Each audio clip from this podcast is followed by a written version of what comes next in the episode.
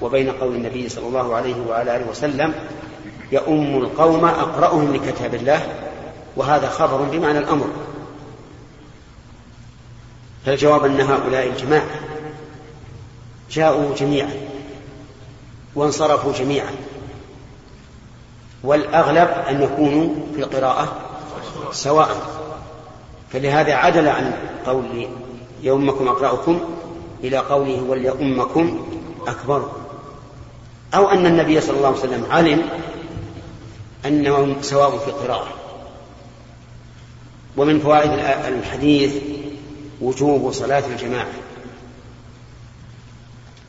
بقوله وليؤمكم واللام الأمر والأمر الوجوب ولا إمامة إلا إلا بجماعة نعم. أقرأ الترجمة يا شيخ. أقرأ الترجمة في الفاتحة. طيب. بسم الله الرحمن. قال الحافظ في الفتح قوله باب من قال ليؤذن في السفر مؤذن واحد كأنه يشير إلى ما رواه عبد الرزاق بإسناد صحيح أن ابن عمر كان يؤذن للصبح في السفر أذانين وهذا مصير منه إلى التسوية بين الحضر والسفر وظاهر حديث الباب أن الأذان في السفر لا يتكرر. لأنه لم يفرق بين الصبح لم يفرق بين الصبح وغيرها والتعليل الماضي في حديث ابن مسعود يؤيده وعلى هذا فلا مفهوم لقوله مؤذن واحد في السفر لأن الحضر أيضا لا يؤذن فيه إلا واحد ولو احتيج إلى تعددهم لتباعد أقطار البلد أذن كل واحد في جهة ولا يؤذنون جميعا. وقد قيل إن أول من أحدث التأذين جميعا بنو أمية وقال الشافعي في الأم وأحب أن يؤذن مؤذن بعد مؤذن ولا يؤذن جماعة معه وإن كان مسجد كبير فلا بأس أن يؤذن أن يؤذن في كل ج... فلا بأس أن يؤذن في كل جهة منه مؤذن يس يسمع من يليه في وقت واحد. قوله في نفر. الواقع أن الترجمة لا لا لا تؤيد ما قاله الحافظ رحمه الله. لأن الحافظ يقول معناها أنه يؤذن أذانا واحدا والبخاري يقول من قال يؤذن مؤذن واحد. والذي قاله الحافظ يقول أذان واحد. وعلى كل حال لا شك أن أنه لا يكرر الأذان إلا إذا دعت الحاجة. وإلا فلا, فلا, فلا يكرر. ولهذا كان مؤذن الرسول عليه الصلاة والسلام في المدينة واحدا ويؤذن بلال في رمضان إذا دعت الحاجة لذلك. وأما كون المراد بذلك ما ذكره الحافظ ففيه في النفس منه شيء. نعم.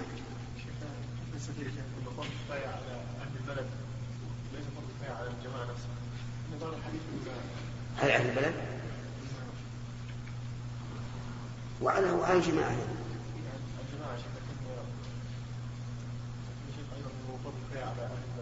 ليش؟ فرق كفاية على أهل البلد. وفرق كفاية على قوم المسافرين أو المجتمعين في مكان اصبر.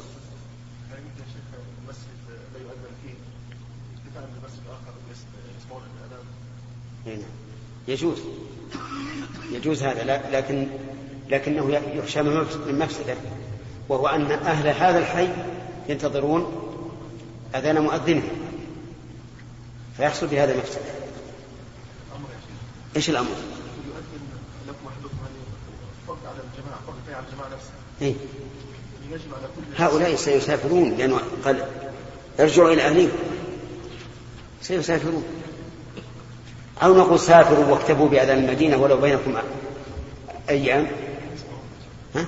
طيب ما في إشكال وش الإشكال؟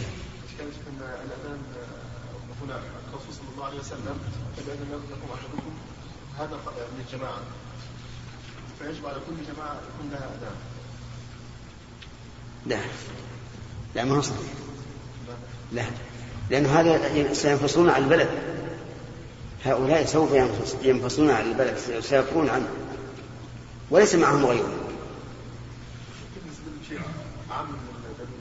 لا ما هو ما هو بعام. هو يقول أقمنا عنده عشرين عشرين ليلة. ثم أرادوا يسافرون وهم نفر. قال يؤذن لكم أحد.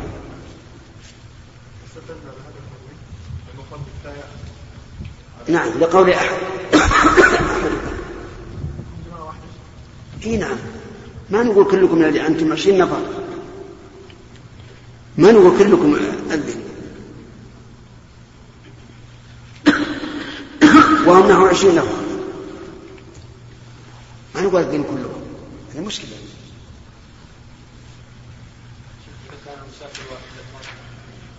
رجل واحد مسافر هل يؤذن؟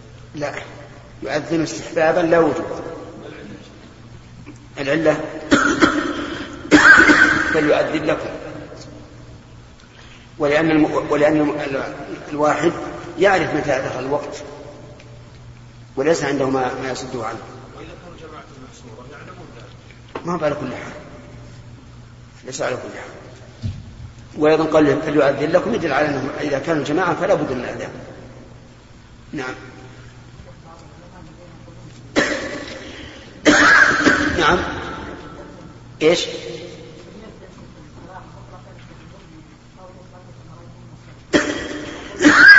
نعم. نعم. يحكي فعله. يحكي فعله ويقول صلوا كما رأيتم نصلي. فظاهره حتى في في جلسة الاستراحة. ولهذا أخذ بها بعض العلماء وقال إن جلسة الاستراحة سنة مطلقة وأنكرها آخرون. وقالوا ليست سنة مطلقة. وفصل آخرون بأنها بأن من احتاج إليها وصارت أرفق به فليفعلها. إما لوجع في ركبته أو لثقل في جسمه أو لمرض أو لكبر ومن لا فلا. وهذا القول هو المتوسط وهو الذي اختاره الموفق رحمه الله المغني واختاره ابن القيم في الزاد. وحكاية فعل الرسول عليه الصلاة والسلام له تدل على ذلك لأن مالكا أخبر بأنه يعتمد على يديه إذا أراد أن يقوم والاعتماد على اليدين إنما يكون عند عند الحاجة. يحتاج الإنسان يعتمد. ثم إن مالك بن حويرث قدم في السنة التاسعة وقد أخذ النبي صلى الله عليه وسلم اللحم. فاحتاج إلى الجلسة ولهذا كان القول الراجح في هذه المسألة التفصيل. ثم إن الجلسة التي يفعلها بعض الناس الآن ما هي جلسة في الواقع. لأن مالك بن حويرث قال حتى يستوي قاعدة. إذا كان في وتر في صلاته إذا كان في وتر من صلاته لم يرفع حتى يستوي قاعدة. وهذا ليس باستواء. بل إن بعض العلماء بعض الأخوان قال إن هذه ليست استراحة بل هذه تعب. إن كنت تبقى لحظة أو لحظتين ثم تقوم في صعوبة. فالصواب أنها إذا استحبت فهي جلسة يستريح فيها الإنسان ويستوي قاعدا. مثل المصير والفضيلة وباته مقام محمود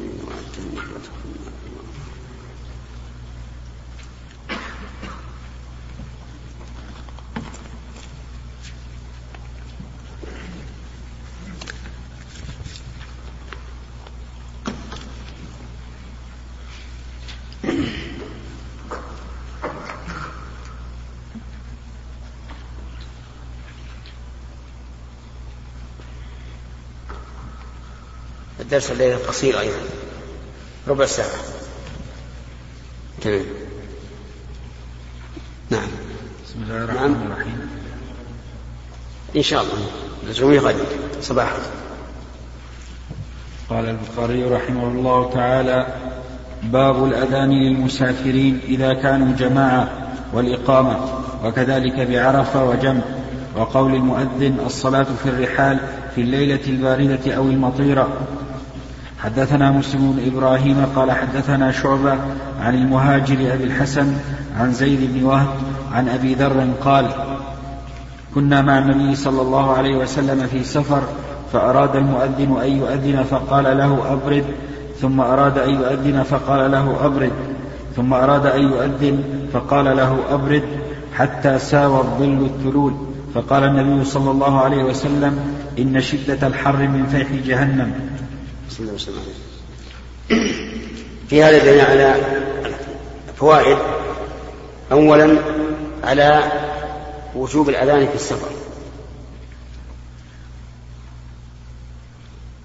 لأن النبي صلى الله عليه وسلم قال له أبرد أبرد أبرد. ولو لم يكن واجبا لقال اترك الأذان. وقال نصلي بلا أذان. وفي هذا شيء من النظر لكن قد يقال إن كون الرسول عليه الصلاة والسلام يلازم الأذان في السفر ولا يتخلف دليل على الوجوب وفيه أن الأذان تابع للصلاة. فإذا كانت الصلاة مما يسن تأخيره فالأفضل أن يؤخر الأذان. وإذا كانت مما يسن تقديمه فالأفضل أن يقدم في أول الوقت ودليل هذا قول الرسول أبرد أبرد. ووجه ذلك من حيث النظر أن الأذان دعوة إلى الصلاة. فإذا كان الأذان مما يسن فإذا كانت الصلاة مما يسن تأخيره فلا فائدة من الأذان في أول الوقت ولهذا قال أبرد أبرد. وهل يستفاد من هذا الحديث؟ أن المرجع في الأذان إلى الإمام أو يقال إن هذا بيان حكم شرعي مرجعه إلى الرسول عليه الصلاة والسلام. الظاهر الثاني لأن الأذان المؤذن أملك بالأذان وهو المسؤول عنه. لكن هذا بيان حكم شرعي فكان إلى الرسول صلى الله عليه وعلى آله وسلم ولهذا قال أبرد حتى ساوى الظل التلول يعني معناها أن التل وهو عبارة عن غابية مرتفعة بعض الشيء وليست جبلا ساوت الظل. وهذا يدل على أنه أخر إلى قرب العصر أو إلى وقت العصر. ثم قال عليه الصلاة والسلام إن شدة الحر من فيح جهنم.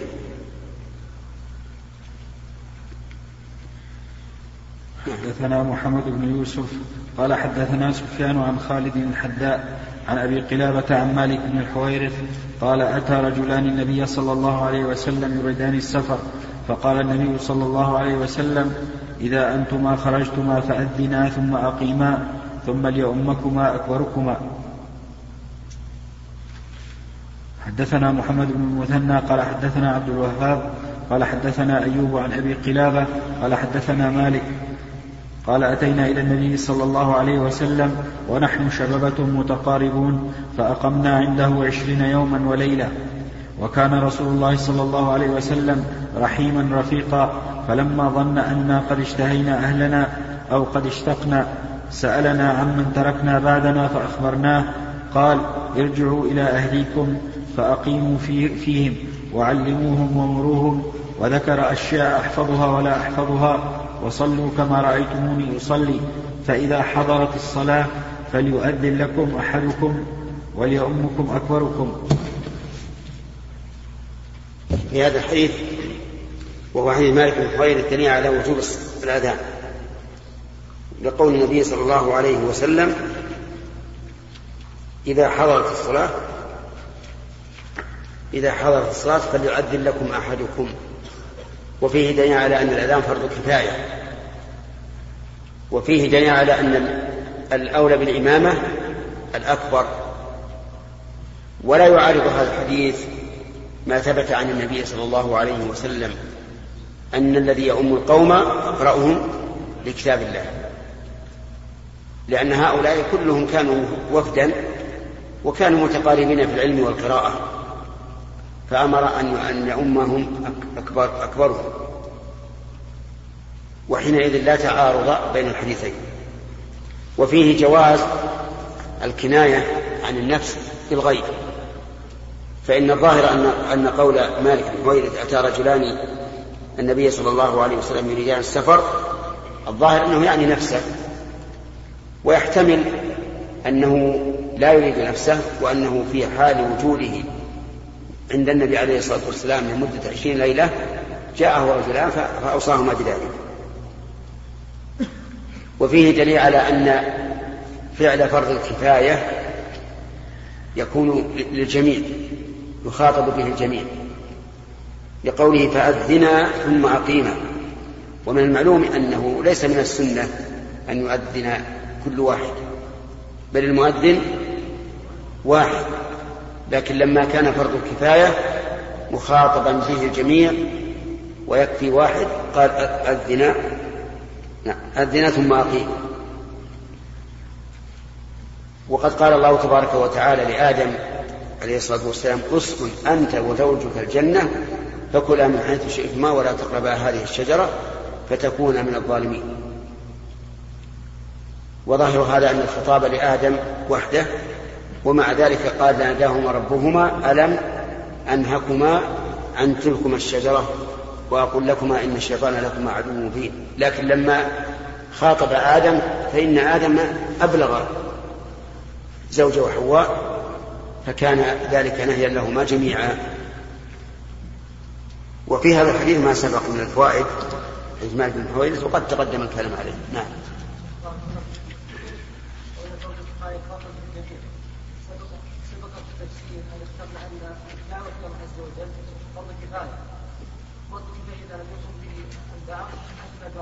نعم.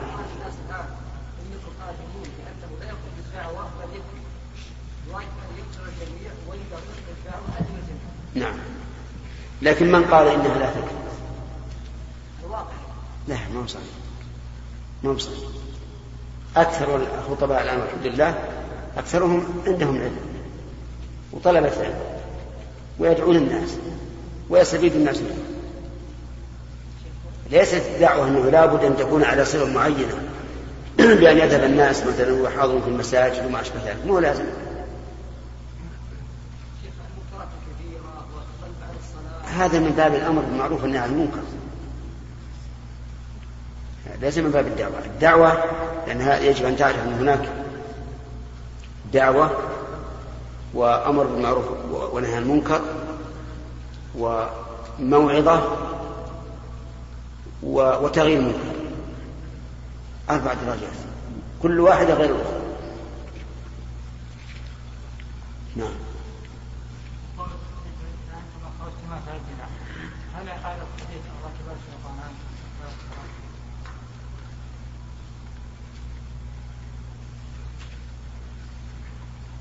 أشار البخاري رحمه الله في في هذا في هذا الكتاب إلى ضعف الحديث الذي ذكرت. الراكب شيطان والراكبان شيطانان والثلاثة رهب. أشار إلى ضعفه وعند من صححه فيقال إنه إذا كان هذا الخطاب يراد به التثنية وأنهما اثنان فقط فهو يدل على ضعف الحديث الذي أشرت إليه. وإن كان يخاطب اثنين من جماعة ومعلوم أن الذين مع مالك بن حويث كانوا نحو عشرين رجلا. فإنه يكون الخطاب موجها إلى إلى اثنين ولكن ولكن معهم جماعة. نعم.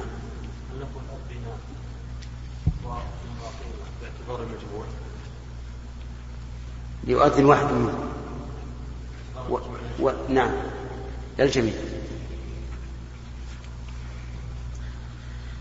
حدثنا مسدد قال أخبرنا يحيى عن عبيد الله بن عمر قال حدثني نافع قال أذن ابن عمر في ليلة باردة بضجنان ثم قال صلوا في رحالكم فأخبرنا أذن أذن أذن. ابن عمر في ليلة باردة, باردة بضجنان ثم قال اسم مكان اسم مكان ثم قال صلوا في رحالكم فأخبرنا أن رسول الله صلى الله عليه وسلم كان يأمر مؤذنا يؤذن ثم يقول على إثره ألا صلوا في الرحال في الليلة الباردة في الليلة الباردة أو المطيرة في السفر.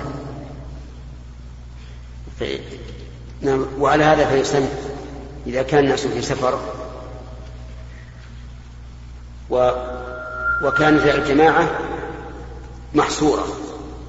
إذا أذن أن يقول صلوا بالرحال لئلا يشق عليهم الحضور. فإذا قال قائل أي فائدة في النداء إذن قلنا فائدته الإعلام بدخول الوقت. وفي هذا الحديث دليل على أن هذا الدين يسر والحمد لله حيث رخص في شدة البرد أو المطر أن يصلي الإنسان في رحله وقوله أو المطيرة في السفر لا يعني هذا أنه لا يجوز الحضر. إذا وجد البرودة الشديدة أو المطر لأن لأنه ثبت في صحيح مسلم عن ابن عباس رضي الله عنهما قال جمع النبي صلى الله عليه وعلى آله وسلم بين الظهر والعصر وبين المغرب والعشاء في المدينة من غير خوف ولا مطر. ولكن قد يقال إن إن الفرق أنه في السفر يقال صلوا في الرحال. وفي الحضر يجمع. لقول من غير خوف ولا مطر. فدل على أنهم يجمعون في المطر. فيكون الحضر يجمع فيه. لأن الناس سيخطون للصلاة الأولى فيجمع ويتفرق. الناس قد صلوا. أما في السفر فيقال لهم صلوا في الرحال. ولكن أيضا سيأتينا أنه يقال صلوا في الرحال حتى في الحضر. كما في حديث ابن عباس الذي الذي يأتي إن شاء الله. فعلى كل حال العذر موجود سواء في الحضر أو في السفر. فإذا شق عن الناس الحضور فإن كانوا قد حضروا عدلنا إيش؟ إلى الجمع. إن كان يمكن الجمع. وإن لم يكن حضروا أو كان لا يمكن الجمع قلنا صلوا في الرحال. مثال الذي لا يمكن الجمع فيه الفجر. الفجر لا يمكن أن يصلي أن يجمع الناس. أن يجمع الناس فيه فيقال صلوا في الرحال كذلك العصر لا يمكن الجمع. إذا كان هذا العذر حدث بعد صلاة الظهر وكذلك العشاء إذا كان حدث بعد صلاة المغرب فإنه لا يمكن الجمع. فلا بد أن يقال صلوا صلوا في الرحال لئلا يشق على الناس. حدثنا إسحاق قال أخبرنا جعفر بن عون قال حدثنا يكفي.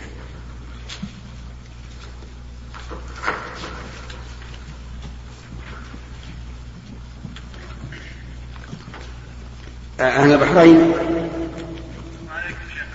الله يحييكم. الليلة ما فيه إلا سؤال واحد. لأن عندي بعض الشغل. آمين. جزاك الله خير.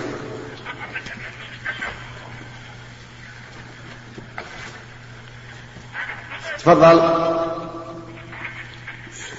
شيخنا إذا قتل رجل في ورثته صغار نعم. لم يبلغوا إي نعم. هل يجب أن يؤخر الاقتياد منه إلى أن يبلغ الصغار فلربما يعفو بعضهم عنه فيسقط القول أم يجوز أن ينفرد الكبار بالقول وهل يؤخذ بعفو الإناث من الورثة؟ وهل الذين يملكون العفو هم فقط الورثة أم العصبة جميعا؟ آه المشهور من المذهب عندنا مذهب الحنابلة أنه يجب تأخير القصاص. حتى يبلغ هؤلاء.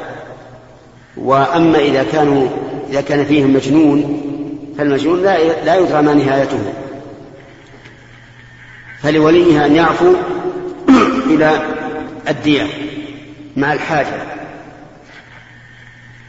ولا ينفرد ولا ينفرد البالغون العقلاء بالقصاص. لاحتمال السماح. والحق في هذا ليس لجميع القرابات ولا للعصبات. الحج الحق في هذا للورثة سواء كانوا يرثون بالفرض أو بالتعصيب. وأما من لا يرثون الأقارب فلا حق له. لكن هناك قول ينبغي أن نعرفه وهو أن قتل الغيلة لا يرجع فيه إلى قول إلى قول أولياء المقتول بل يجب قتل القاتل بكل حال. وهذا مذهب الإمام مالك رحمه الله واختاره شيخ الإسلام ابن تيمية. فمثلا إذا كان هناك رجل يترصد لشخص ثم قتله فهذا يقتل على كل حال. أو جاءه في منامه فقتله أو ما أشبه ذلك. هذا يقتل بكل حال. ولا ينظر إلى رأي الورثة لأنه غيلة فهو فساد في الأرض. والمفسدون جزاؤهم القتل ولأن هذا لا يمكن التحرز منه. بخلاف من قاتل إنسانا مقاتلة ظاهرة ثم قتله فهذا هو الذي يرجع فيه إلى أولياء المقتول شيخنا الاناث أيضا يرجع رايهم أي نعم ذكرنا هذا إذا كنا وارثات. الله اليكم بارك الله فيكم إلى اللقاء غدا إن شاء الله تعالى. ها؟ الفجر. قلت الفجر. طيب. طيب. آه، هو إذا دخل الإنسان بعد صلاة العشاء المسجد وصلى الوتر ركعة واحدة فهل نقول إنه أدرك ما أراده النبي صلى الله عليه وسلم من تحية المسجد بركعتين أو لا؟ إن نظرنا إلى ظاهر اللفظ فلا يجوز حتى يصلي ركعتين قلنا هذا الرجل إيش؟ لم يصلي ركعتين فلم يأتي بما أمر به. وإن نظرنا إلى أن الرسول عليه الصلاة والسلام تكلم عن الأغلب والقاعدة عند الأصوليين أن القيد الأغلبي ليس له مفهوم وأن مراد النبي صلى الله عليه وسلم أن يصلي صلاة تعتبر صلاة والوتر بركعة يعتبر صلاة فإذا دخل المسجد وأوتر بركعة قلنا هذا يكفي عن عن صلاة الركعتين وهذا هو الظاهر. نعم. أظن ما في سؤال بعد. نعم. بسم الله الرحمن الرحيم. قال البخاري رحمه الله تعالى حدثنا إسحاق قال أخبرنا جعفر بن عون. شوف شوف حديث سبق مالك بن كويرث. قال أتى رجلان. نعم. أرفع السماعة. نعم. لا فيه السماعة. أهلا. أين أنتم؟ أي وأنتم معلقين وأنتم رايحين للصلاة. الله يسلمك نسجل الدرس شيخ وقت الصلاه آه أحسنت. لا هذه ما كانت على بالنا فظننا أن, أن هناك خطأ من في, في الأسلاك ولا وقفلنا قلنا إذا كان إذا جو يلزمون علينا. الحمد لله. طيب. الآن آه، ما فات شيء لأننا فصلناه قبل قليل. الآن نبدأ البخاري إن شاء الله. نعم. شوف يا شيخ حديث أتى رجلان أي نعم. في الفتح؟ في الفتح هنا بسم الله الرحمن الرحيم. قال ابن حجر رحمه الله تعالى قوله أتى رجلان هما مالك بن الحويرث راوي الحديث ورفيقه وسيأتي في باب في باب سفر الاثنين من كتاب الجهاد بلفظ انصرفت من عند النبي صلى الله عليه وسلم أنا وصاحب لي ولم أر في شيء من طرقه تسمية صاحبه. قوله فأذنا. طيب. قال البخاري رحمه الله تعالى في هذا الحديث ما دام هذا هو المراد دليل على أن الإنسان يجوز أن يكني عن نفسه بصيغة الغ- الغيبة. لقوله أتى رجلا.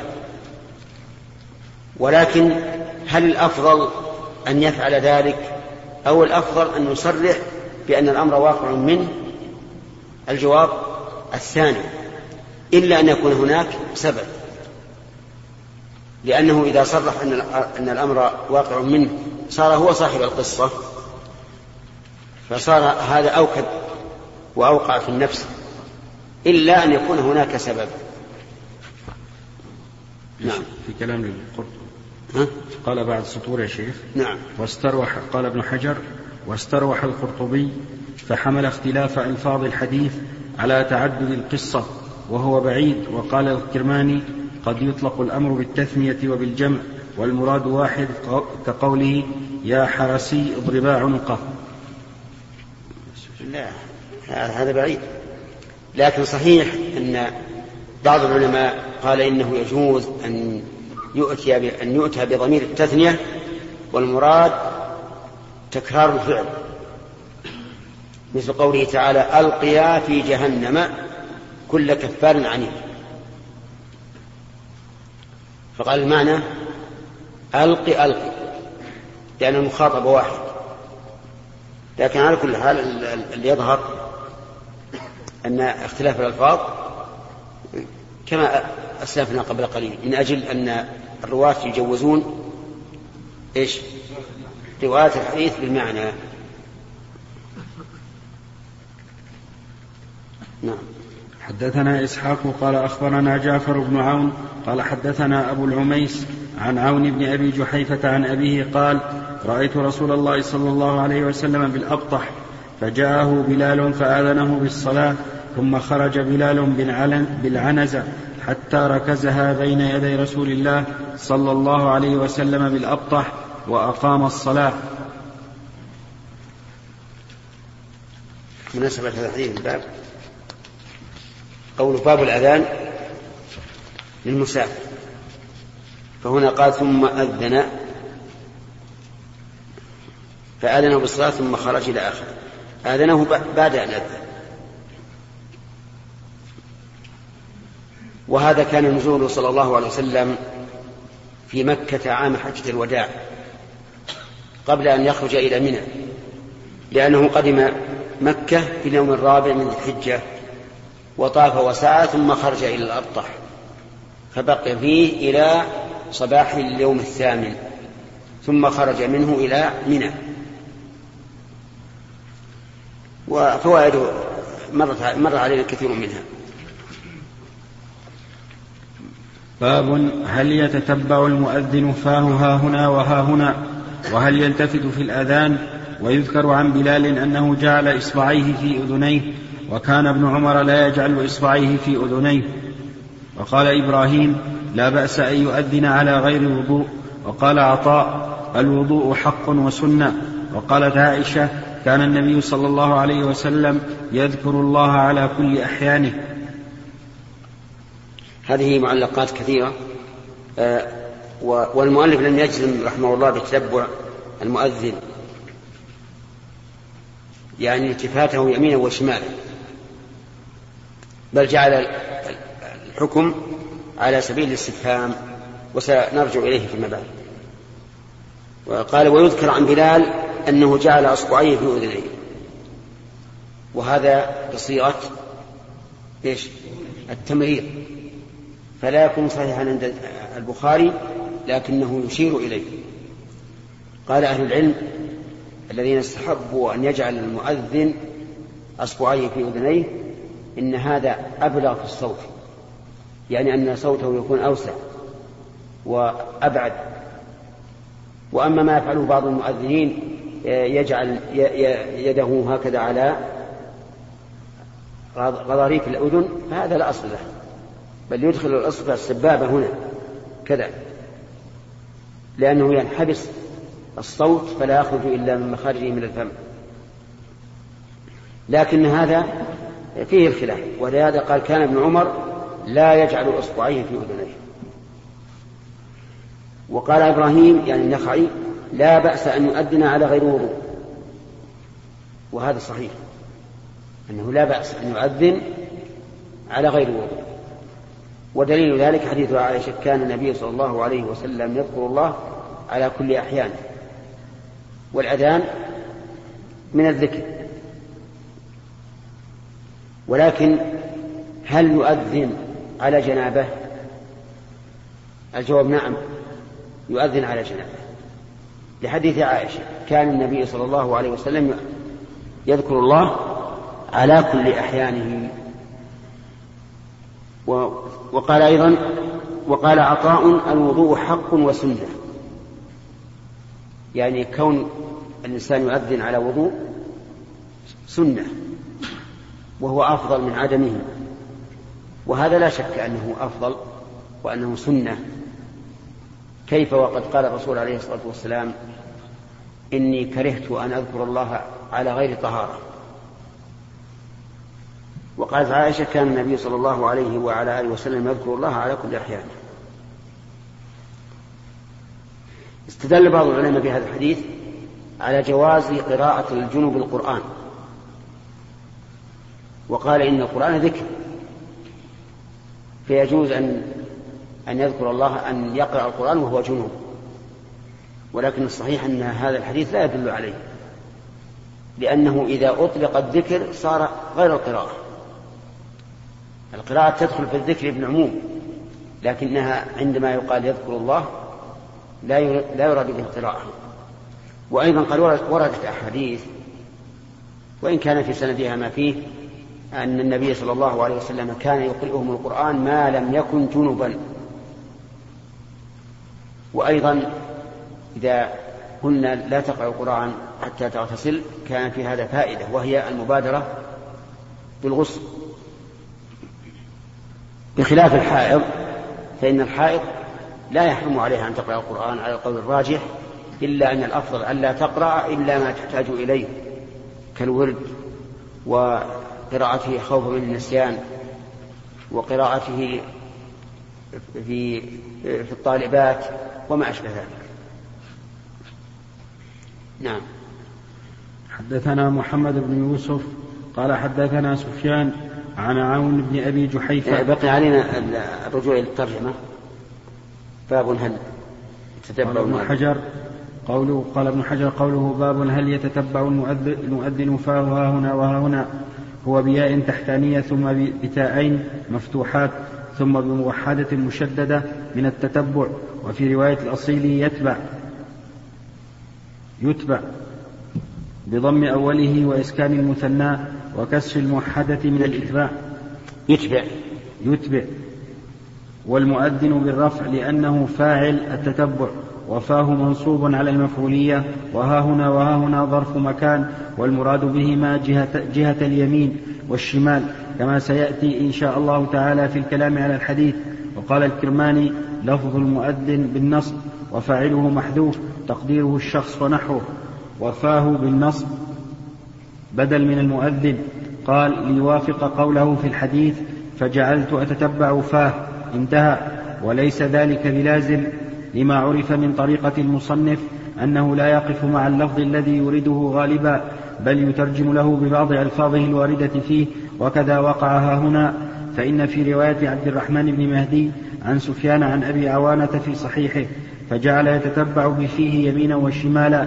وفي رواية وكيع عن سفيان عند الإسماعيلي رأيت بلالا يؤذن يتتبع بفيه. ووصف سفيان ووصف نعم. ووصف سفيان يميل برأسه يمينا وشمالا والحق يصح وصف والحاصل أن بلالا كان يتتبع بفيه الناحيتين وكان أبو جحيفة ينظر إليه فكل فكل منهما متتبع باعتبار. قوله وهل يلتفت في الأذان؟ يشير إلى ما قدمناه في رواية وكيع وفي رواية إسحاق الأزرق عن سفيان عند النسائي فجعل ينحرف يمينا وشمالا وسيأتي في رواية يحيى بن آدم بلفظ والتفت قوله ويذكر عن بلال أنه جعل إصبعيه في أذنيه يشير بذلك إلى ما وقع في رواية عبد الرزاق وغيره عن سفيان كما كما سنوضحه بعد. قوله وكان ابن عمر إلى آخره أخرجه عبد الرزاق وابن أبي شيبة من طريق نسير وهو بالنون والمهملة مصغر. ابن ذا ابن ذعلوق بضم الذال المعجمة وسكون العين المهملة وضم اللام عن ابن عمر. قوله وقال إبراهيم يعني النخعي إلى آخره وصله سعيد بن منصور وابن أبي شيبة عن جرير عن منصور عنه بذلك وزاد ثم يخرج فيتوضأ ثم يرجع فيقيم. قوله وقال عطاء إلى آخره وصله عبد الرزاق عن ابن جريج قال قال لي عطاء حق وسنة مسنونة نعم. وصله عبد الرزاق عن ابن جرير قال قال لي عطاء حق وسنة مسنونة أن لا يؤذن المؤذن إلا متوضئا هو هو من هو من الصلاة هو فاتحة الصلاة. ولابن أبي شيبة من وجه آخر عن عطاء أنه كره أن يؤذن الرجل على غير الوضوء وقد ورد فيه حديث مرفوع أخرجه الترمذي والبيهقي من حديث أبي هريرة وفي إسناده ضعف. قوله وقالت عائشة تقدم الكلام عليه في باب تقضي الحائض المناسك من كتاب الحيض وأن مسلما وصله وفي إيراد البخاري له هنا إشارة إلى اختيار قول النخعي وهو قول مالك والكوفيين لأن الأذان من جملة الأذكار فلا يشترط فيه ما يشترط في الصلاة من الطهارة ولا من استقبال القبلة كما لا يستحب فيه الخشوع الذي ينافيه الالتفات وجعل الإصبع في الأذن. وبهذا تعرف مناسبة ذكره لهذه الآثار في هذه الترجمة ولاختلاف نظر العلماء فيها أوردها, أوردها بلفظ الاستفهام ولم يجزم بالحكم. خلاص.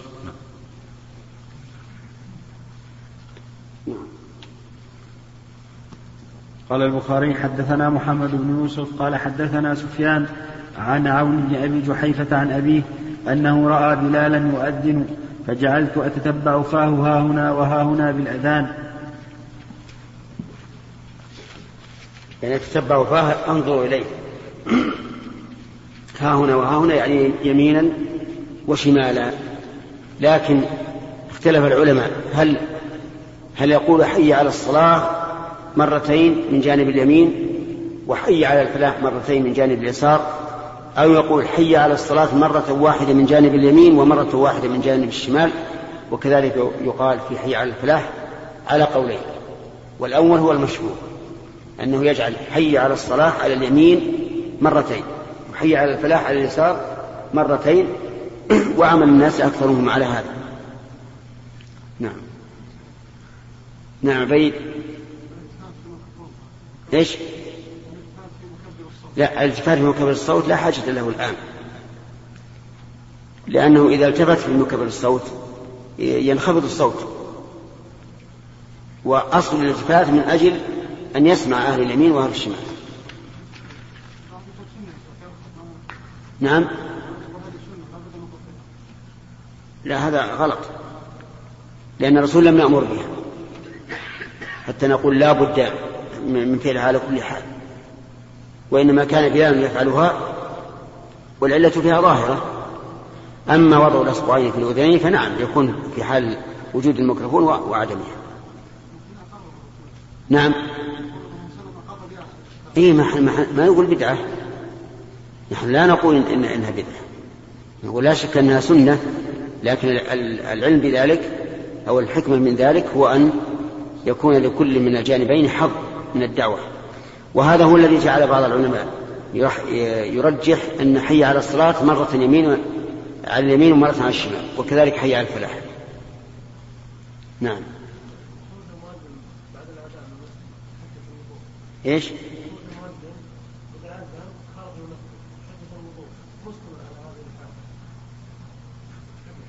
بل الإنسان على نفسه بصيرة. إيه، يمكن ما تدري. ما تدري عن أحوال الناس. قد يكون مثلا فيه ريح. فيه ريح تؤذيه مثلا. وقد يكون مثلا بعض الناس ما ما يتوقف نزول البول إلا بعد ربع ساعة أو عشر دقائق.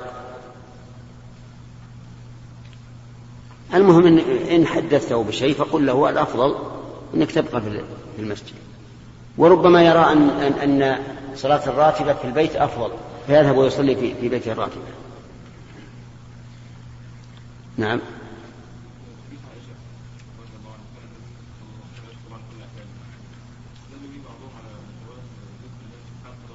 جواز إيش؟ لقولها على كل احيانه هو إن لو نظرنا إلى لفظه لقلنا نعم يشمل هذا. لكن لكن الهيئة ليست مناسبة. إذا كان الرسول عليه الصلاة والسلام نهى عن استقبال القبلة واستدبارها حال قضاء الحاجة كل هذا تعظيما للقبلة فذكر الله تعالى أولى أن يجتنب في هذه الحال. يعني اجتنابنا استقبال القبلة حال قضاء الحاجة تكريما للكعبة كذلك أيضا اجتنابنا الذكر تعظيما لله عز وجل. نعم. باب قول الرجل فاتتنا الصلاة وكره ابن سيرين أن يقول فاتتنا الصلاة ولكن ليقل لم ندرك وقول النبي صلى الله عليه وسلم أصح. حدثنا أبو نعيم قال حدثنا شيبان عن يحيى عن عبد الله بن أبي قتادة. قوله رحمه الله قول النبي أصح يعني أولى بالاتباع والأخذ. ولا لا أقول ليس هذا المقام مقام تصريح أو تضعيف. بالنسبة لقول الرسول عليه الصلاة والسلام وقول غيره. ولكن مراد أصح يعني أولى بالاتباع. نعم. حدثنا أبو نعيم قال حدثنا شيبان عن يحيى عن عبد الله بن أبي قتادة عن أبيه قال بينما نحن نصلي مع النبي صلى الله عليه وسلم إذ سمع جلبة رجال. فلما صلى قال ما شأنكم؟ قالوا استعجلنا إلى الصلاة. قال فلا تفعلوا. إذا أتيتم الصلاة فعليكم بالسكينة فما أدركتم فصلوا وما فاتكم فأتموا. الشاهد قوله فما فاتكم. فأطلق الفوات على ما, ما فات من الصلاة. ومن المعلوم أن الإنسان إذا قال فاتتنا الصلاة ليس معنى أنه متهاون بها حتى نقول إن هذا مكروه بل هو مخبر عن الواقع أنها فاتت. قد تفوت الصلاة بالنسبة للجماعة وقد تفوت الصلاة بالنسبة للوقت كما لو لم يقم من النوم إلا بعد طلوع إلا بعد خروج الوقت وما أشبه